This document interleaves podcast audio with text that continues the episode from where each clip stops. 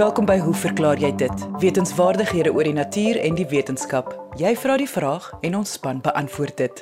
My naam is Lise Swart en ons paneelkenners vandag is ekoloog Dave Peppler, dierkundige professor Cecil Daniels en entomoloog Dr. Johan Pretorius.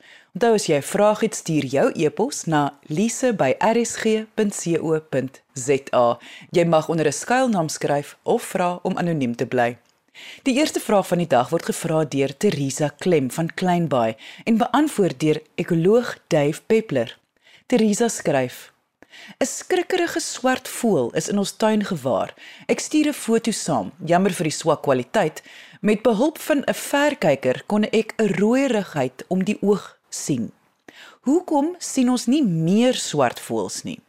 Dave, die gevoegelte in die foto is verskriklik moeilik om uit te ken, maar my raai is die groot ringduif.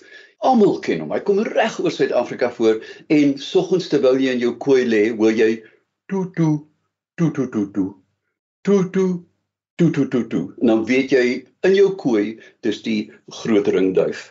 Per definisie verwys melanisme, met ander woorde die swart kleur in diere na 'n swart pigment eh, wat gewoonlik op die vel voorkom en ook die hare natuurlik want dit dit spoel uit natuurlik by ons uh, uh soogdiere ook.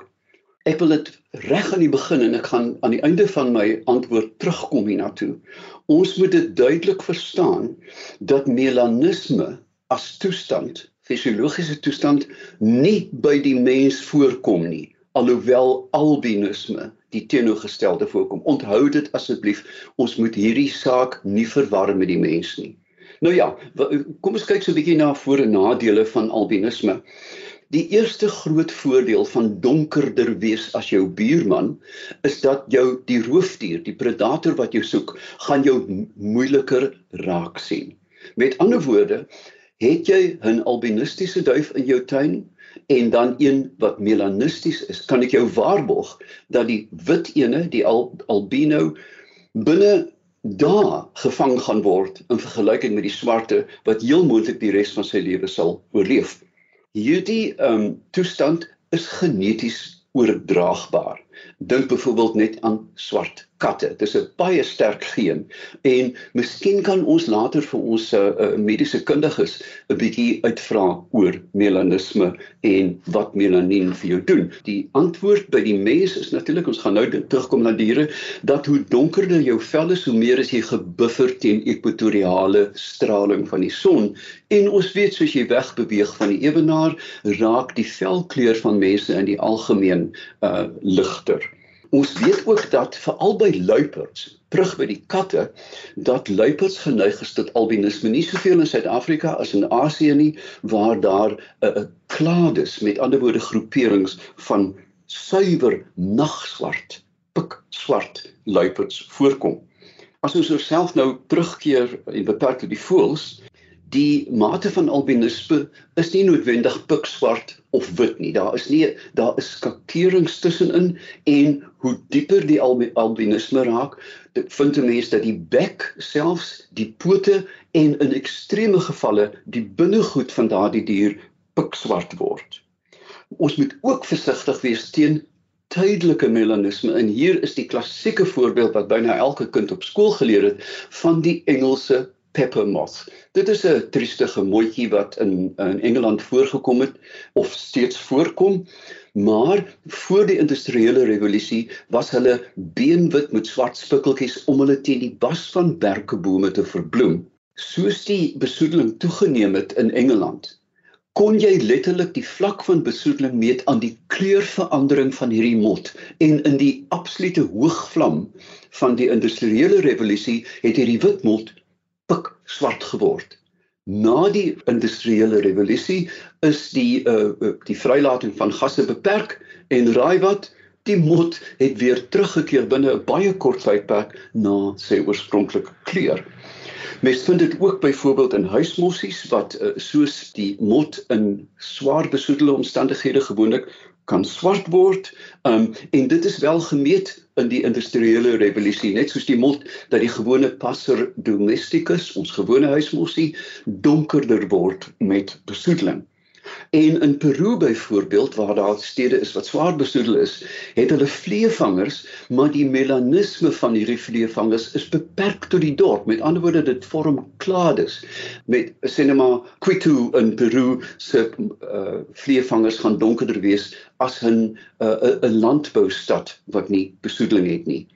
Die probleme hiermee is dat die toestand is vloeibaar soos ek net gesê het met industriële foldering. Alhoewel dit die verhoogde melanisme die voel se vere sterker maak, met ander woorde hulle het 'n ekstra hulpstoot vir oorlewing. Maar die nadeel is natuurlik as dat is indien jy 'n baie donker voel is van watter spesie ook al en die wyfie wat jy probeer benader het normale kleure, gaan sy nie na jou kyk nie want sy herken jou bykans nie in die standaard kleurbeeld wat sy in haar klein koppie het nie.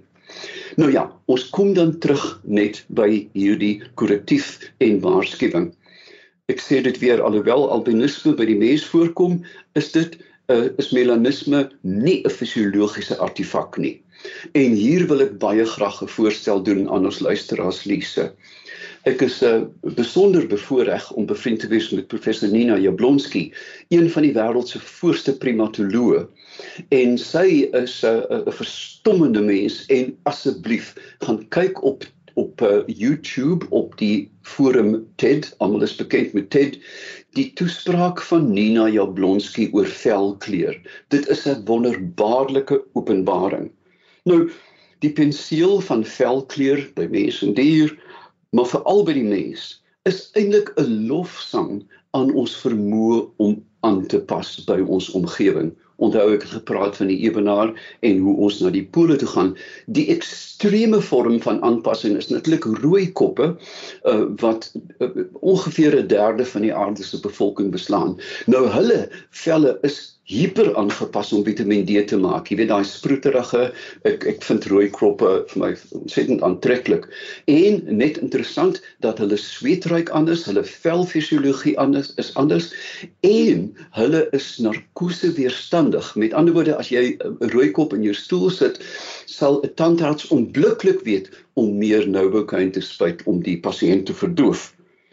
In sy boek The Origin of Species het Darwin net een keer na melanisme verwys en en na die mens en hy het gesê light will be thrown on the origin of man and his history. Hy het geweet dit kom. En dan laastens Lise in die helder lig van die wetenskap kan ons melanisme verstaan en kan ons vergelykend daarmee omgaan. En dit was ekoloog Dave Peppler. Onthou, die foto van hierdie swartvoël is beskikbaar op RSG se webwerf gaan na rsg.co.za. En die video waarna jy verwys het, die TED gesprek wat Nina Jablonski doen oor skin color is an illusion, is ook beskikbaar op RSG se webwerf. Ons volgende vraag kom van Jurgens Martens en word beantwoord deur entomoloog Dr. Johan Pretorius. Jurgens het 'n foto ingestuur en vra: "Wie het ons hier?" Ek het dit afgeneem in Pretoria in Maart maand, maar het dit ook in die Karoo gesien lank gelede. Nou, diegene wat graag wil sien wat Jurgens ingestuur het, kan gaan kyk op RSG se webwerf rsg.co.za. Dr Pretorius, ek sal graag wil hoor wat op aarde is dit? So, eerstens wil ek net 'n kort beskrywing gee van die foto wat Jurgens ingestuur het. En op hierdie foto sien ons 'n rispe met wat lyk soos 'n omhulsel van stokkies wat die grootste gedeelte van die insek se agterlyf bedek met slegs die kop en pote wat aan die voorkant van hierdie struktuurtjie uitsteek. Nou eergens, dit is die rispe van 'n familiemotte wat in die volksmond bekend staan as sakwurmmotte, broekmannetjies, grashuisies om maar net 'n paar van die algemene name te noem. Nou hierdie motte behoort aan die familie Psychidae waarvan daar ongeveer 1350 spesies wêreldwyd aangeteken is. Nou vanwaar dan die naam sakwurm of broekmannetjie? En dit kom van die gewoonte van hierdie motte se rispus om vir hulself 'n skuilings te spin met sy wat hulle dan die heeltyd met hul saamdra of saamsleep soos hulle rond beweeg en voed. Motte en skoenlappers ondergaan volledige gedaantewisseling of metamorfose met ander woorde Daar is 'n papie stadium teenwoordig en om te kan groei, moet die larwes natuurlik 'n aantal kere vervel voordat hulle die papie stadium bereik.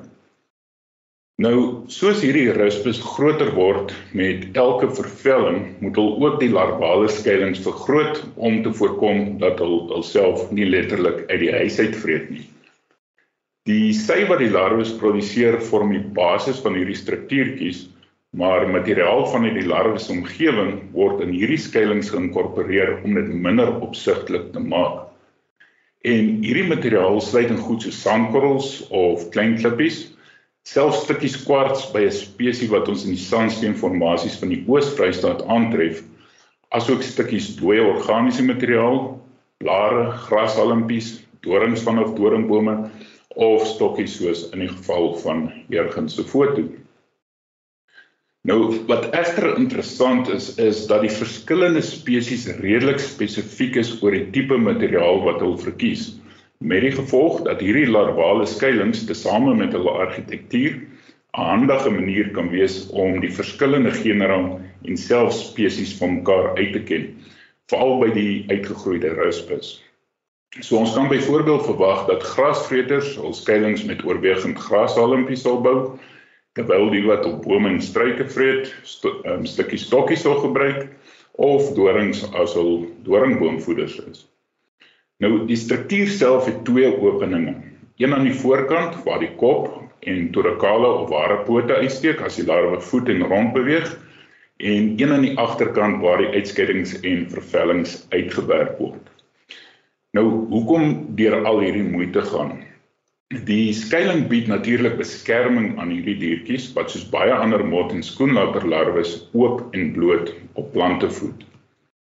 Omdat hulle materiaal uit hul omgewing gebruik om die larvale skuilings te maak, bied dit uitstekende kamouflering vir die ontwyking van predatore, veral die wat op hul sig staat maak om kos te soek soos byvoorbeeld voëls. Die sy is verbasend sterk en as jy al so huis het mekaar probeer trek het, sal jy weet dat dit bietjie meer moeite verg as wat mens initieel sou verwag. Die larwes kan ook die voorste gedeelte van hul lywe wat gewoonlik tydens voeding by die skuilings uitsteek, terugtrek in die skuilings vir addisionele beskerming sou daar onmiddellike gevaar dreig. Al het die vermoë om die voorste opening van die struktuur toe te trek vir verdere beskerming, so amper asof hulle die voordeur sluit. 'n Verdere voordeel van hierdie larvale skuilings is dat dit as 'n beskermende struktuur dien wanneer die insek die papie stadium betree en die larwe spipeer binne in die struktuur self. Die larwe heg die skuilings stewig met behulp van sy aan die substraat soos byvoorbeeld 'n takkie. Sluit die voordeur, draai hom sodat die kop na die agterkant van die skuilings wys en pipeer dan tot die volwasse mot. Nou, mannetjie saadwurmmotte wat uit die skuilings tevoorskyn kom is soos mense verwag van motte in die algemeen toegerus met goed ontwikkelde vlerke, pote, oë en antennes en alles oor die algemeen maar redelike vaardige insekte. Hierdie klein tot medium groot motte het 'n vlerkspan wat wissel tussen 4 en 38 mm afhangende van die spesies. En die vlerke het dikwels min tot geen skibbe, terwyl die monddele ook meestal vestigaal of gereduseerd is met die gevolg dat hulle nie kan voed nie en dus nie baie lank lewe nie. By die meer primitiewe of basale sakwurmmot spesies het die byfies goed ontwikkelde vlerke en ander aanhangsels, nes by meeste ander motte en kan dus rondvlieg, maar soos die mannetjies is hulle ook nie tot voeding in staat nie. By 'n groot aantal sakwurmmot spesies is die volwasse byfies egter en aardige kreature en 'n mens sal maar moeilik sluk aan die idee dat dit wel 'n mot is. By hierdie spesies verlaat die byfiemot nooit die larvale skuilings nie, het verkleinde of geen vlerke nie en kan dus nie vlieg nie. En selfs die pote, oë en antennes is totaal afwesig en sy is ook nie in staat om te voed nie. En ons verwys na hierdie byfies as vermiform met ander woorde al in die vorm van 'n wurm. By sommige spesies het die byfies wel goed ontwikkelde pote, maar geen funksionele vlerke nie en hulle kruip uit hul larvale skuilings om aan die buitekant van hierdie struktuurtjies vir die res van hul volwasse bestaan vas te klou. Vir beide geslagte is dit 'n wedloop teen tyd om mekaar op te spoor en te paar voordat hulle vrek, aangesien hul volwasse lewensduur kort is, want onthou, hulle kan nie vreet nie. By die spesies met goed versteekte statiese wyfies, met ander woorde die wat nooit die larvale skuilings verlaat nie of wat slegs aan die buitekant van hierdie skuilings vasklou, is dit basies die mannetjie motte se taak om die wyfies op te spoor. Gelukkig is daar darm hulp van die wyfie motte se kant af aangesien hulle feromone in die lug vrystel wat die mannetjies dan ruik of registreer met behulp van hul sensitiewe geveerde antennes want insekte gebruik hul antennes om mee te ruik. Hy vlieg dan agter hierdie onsigbare feromoonspoor aan om hopelik die wyfie te vind waar sy sit en roep vanuit of net buite haar huisie. En hierdie soeke na 'n paringsmaat vind beide bedags of snags plaas, weer eens afhangende van die spesifieke spesies betrokke. By die soorte met vermiform wyfies vind paring plaas deur die posterior oftewel agterste opening van die larvale skuilings waarna die wyfiemot dan haar eiers in die struktuur deponeer of lê. Kort na paring vrek beide wyfies en mannetjies die eiers broei uit waarna die neonaat of klein ruspus dan die oorspronklike skuilings verlaat om self huis op te sit en die siklus van voor af te begin. Interessant genoeg by die spesies wie se wyfies aan die buitekant van die larvale skuilings vasklim, gebruik sy 'n teleskopiese abdomen om haar eiers binne in die skuilings te lê na bevrugting. Nou, Lisa en aardig genoeg, is daar sommige saakwormmot spesies waar die wyfies deur middel van sogenaamde partenogenese voortplant en dit impliseer basies dat die wyfie die vermoë het om nageslag voort te bring sonder dat sy deur 'n mannetjie bevrug is. Dit klink nou 'n snaakse manier van voortplanting, maar dit is egter 'n redelike wyd verspreide verskynsel onder insekte. Omdat die oorgrootste meerderheid sakwurm spesies Phytophage met ander woorde plantvoedende insekte is, kan mens verwag dat hul belange soms met die van die mens sal bots. Sommige spesies was en is die fokus van navorsingsprojekte juis as gevolg van die skade wat hul aan beide voedselgewasse en ornamentele plante aanrig. Nou hier in Suid-Afrika is daar veral een spesies wat nogal groot skade aan wattelplantasies veroorsaak, veral toe wat hom nog op groot skaal verbou was, die sogenaamde wattelsakworm. En hier het ons 'n goeie voorbeeld van 'n inheemse insekspesies wat 'n gasheersprong gemaak het van 'n inheemse plantspesies waarop hulle normaalweg voed na 'n uitheemse plantspesies wat die land ingebring is vir kommersiële doeleindes Met ander woorde, 'n insekspesies wat nooit 'n probleem was nie, word ewe skielik 'n kopseer.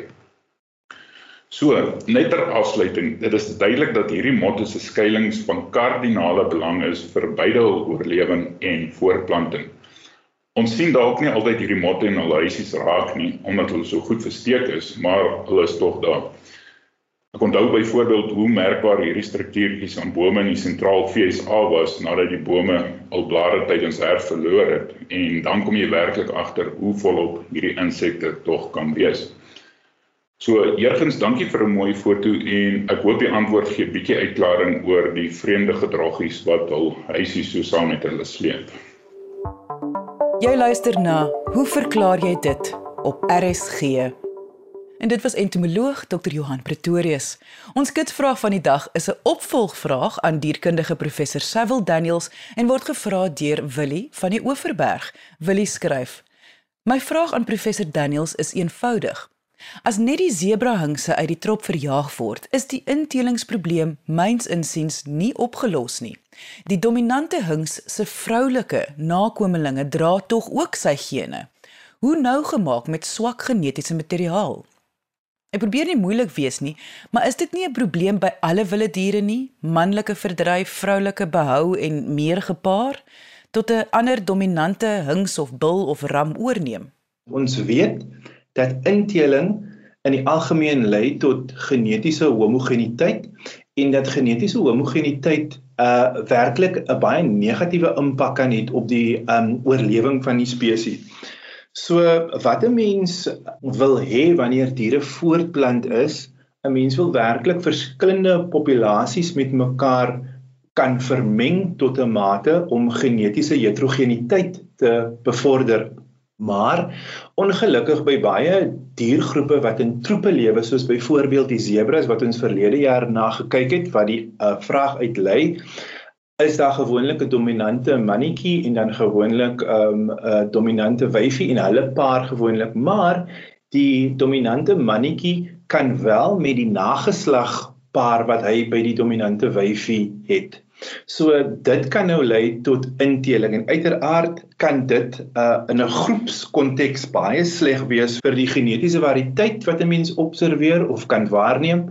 So nou kyk 'n mens gou of ek wil gou net vinnig kyk na watter aanpassings is daar in die algemeen by die diere of diere wat spesifiek in groepe lewe uh om inteling te beperk. So die eerste een wat 'n mens na kan kyk is mens moet onthou dat daar gewoonlik by um groeplewende diere soos byvoorbeeld by hyenas byvoorbeeld is daar gewoonlik 'n dominante mannetjie sowel as gewoonlik 'n dominante wyfie en slegs die dominante mannetjie en die dominante wyfie het voortplantingsregte. Al die nageslag um wat ontstaan as gevolg van kopulasies tussen die dominante mannetjie en die dominante wyfie hulle mag nie werklik voortplant um binne die groep konteks nie. Dit verminder die die vermoë van die mannetjie byvoorbeeld om met enige van die um van die um dogter van die dogters wat daar in die in die troep is of in die groep is te kopuleer. Met ander woorde, um die die vermoë of of die die feit dat daar net twee diere is wat in 'n groep konteks kan voortplant beperk die uh, hoeveelheid inteling wat 'n mens in die groep kan sien.